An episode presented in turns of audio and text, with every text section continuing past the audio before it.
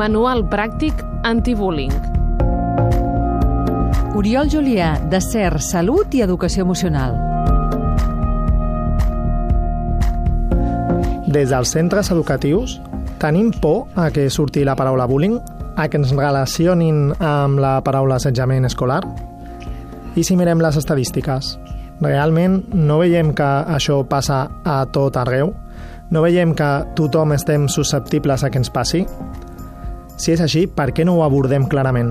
Per què no diem a la gent que sí, pot passar-nos, però estem preparats? Ens estem preparant perquè els alumnes estiguin bé en el centre. Ens estem preparant per prevenir l'assetjament. Ens estem preparant per detectar, perquè si surt alguna situació me n'adoni el més aviat possible i la sàpiga qualificar el més aviat possible. I estic preparat per, en cas de que sigui assetjament, actuar, amb tot el que això suposa. No tinguem por. El por, la por només augmenta allò, la força d'allò que temem.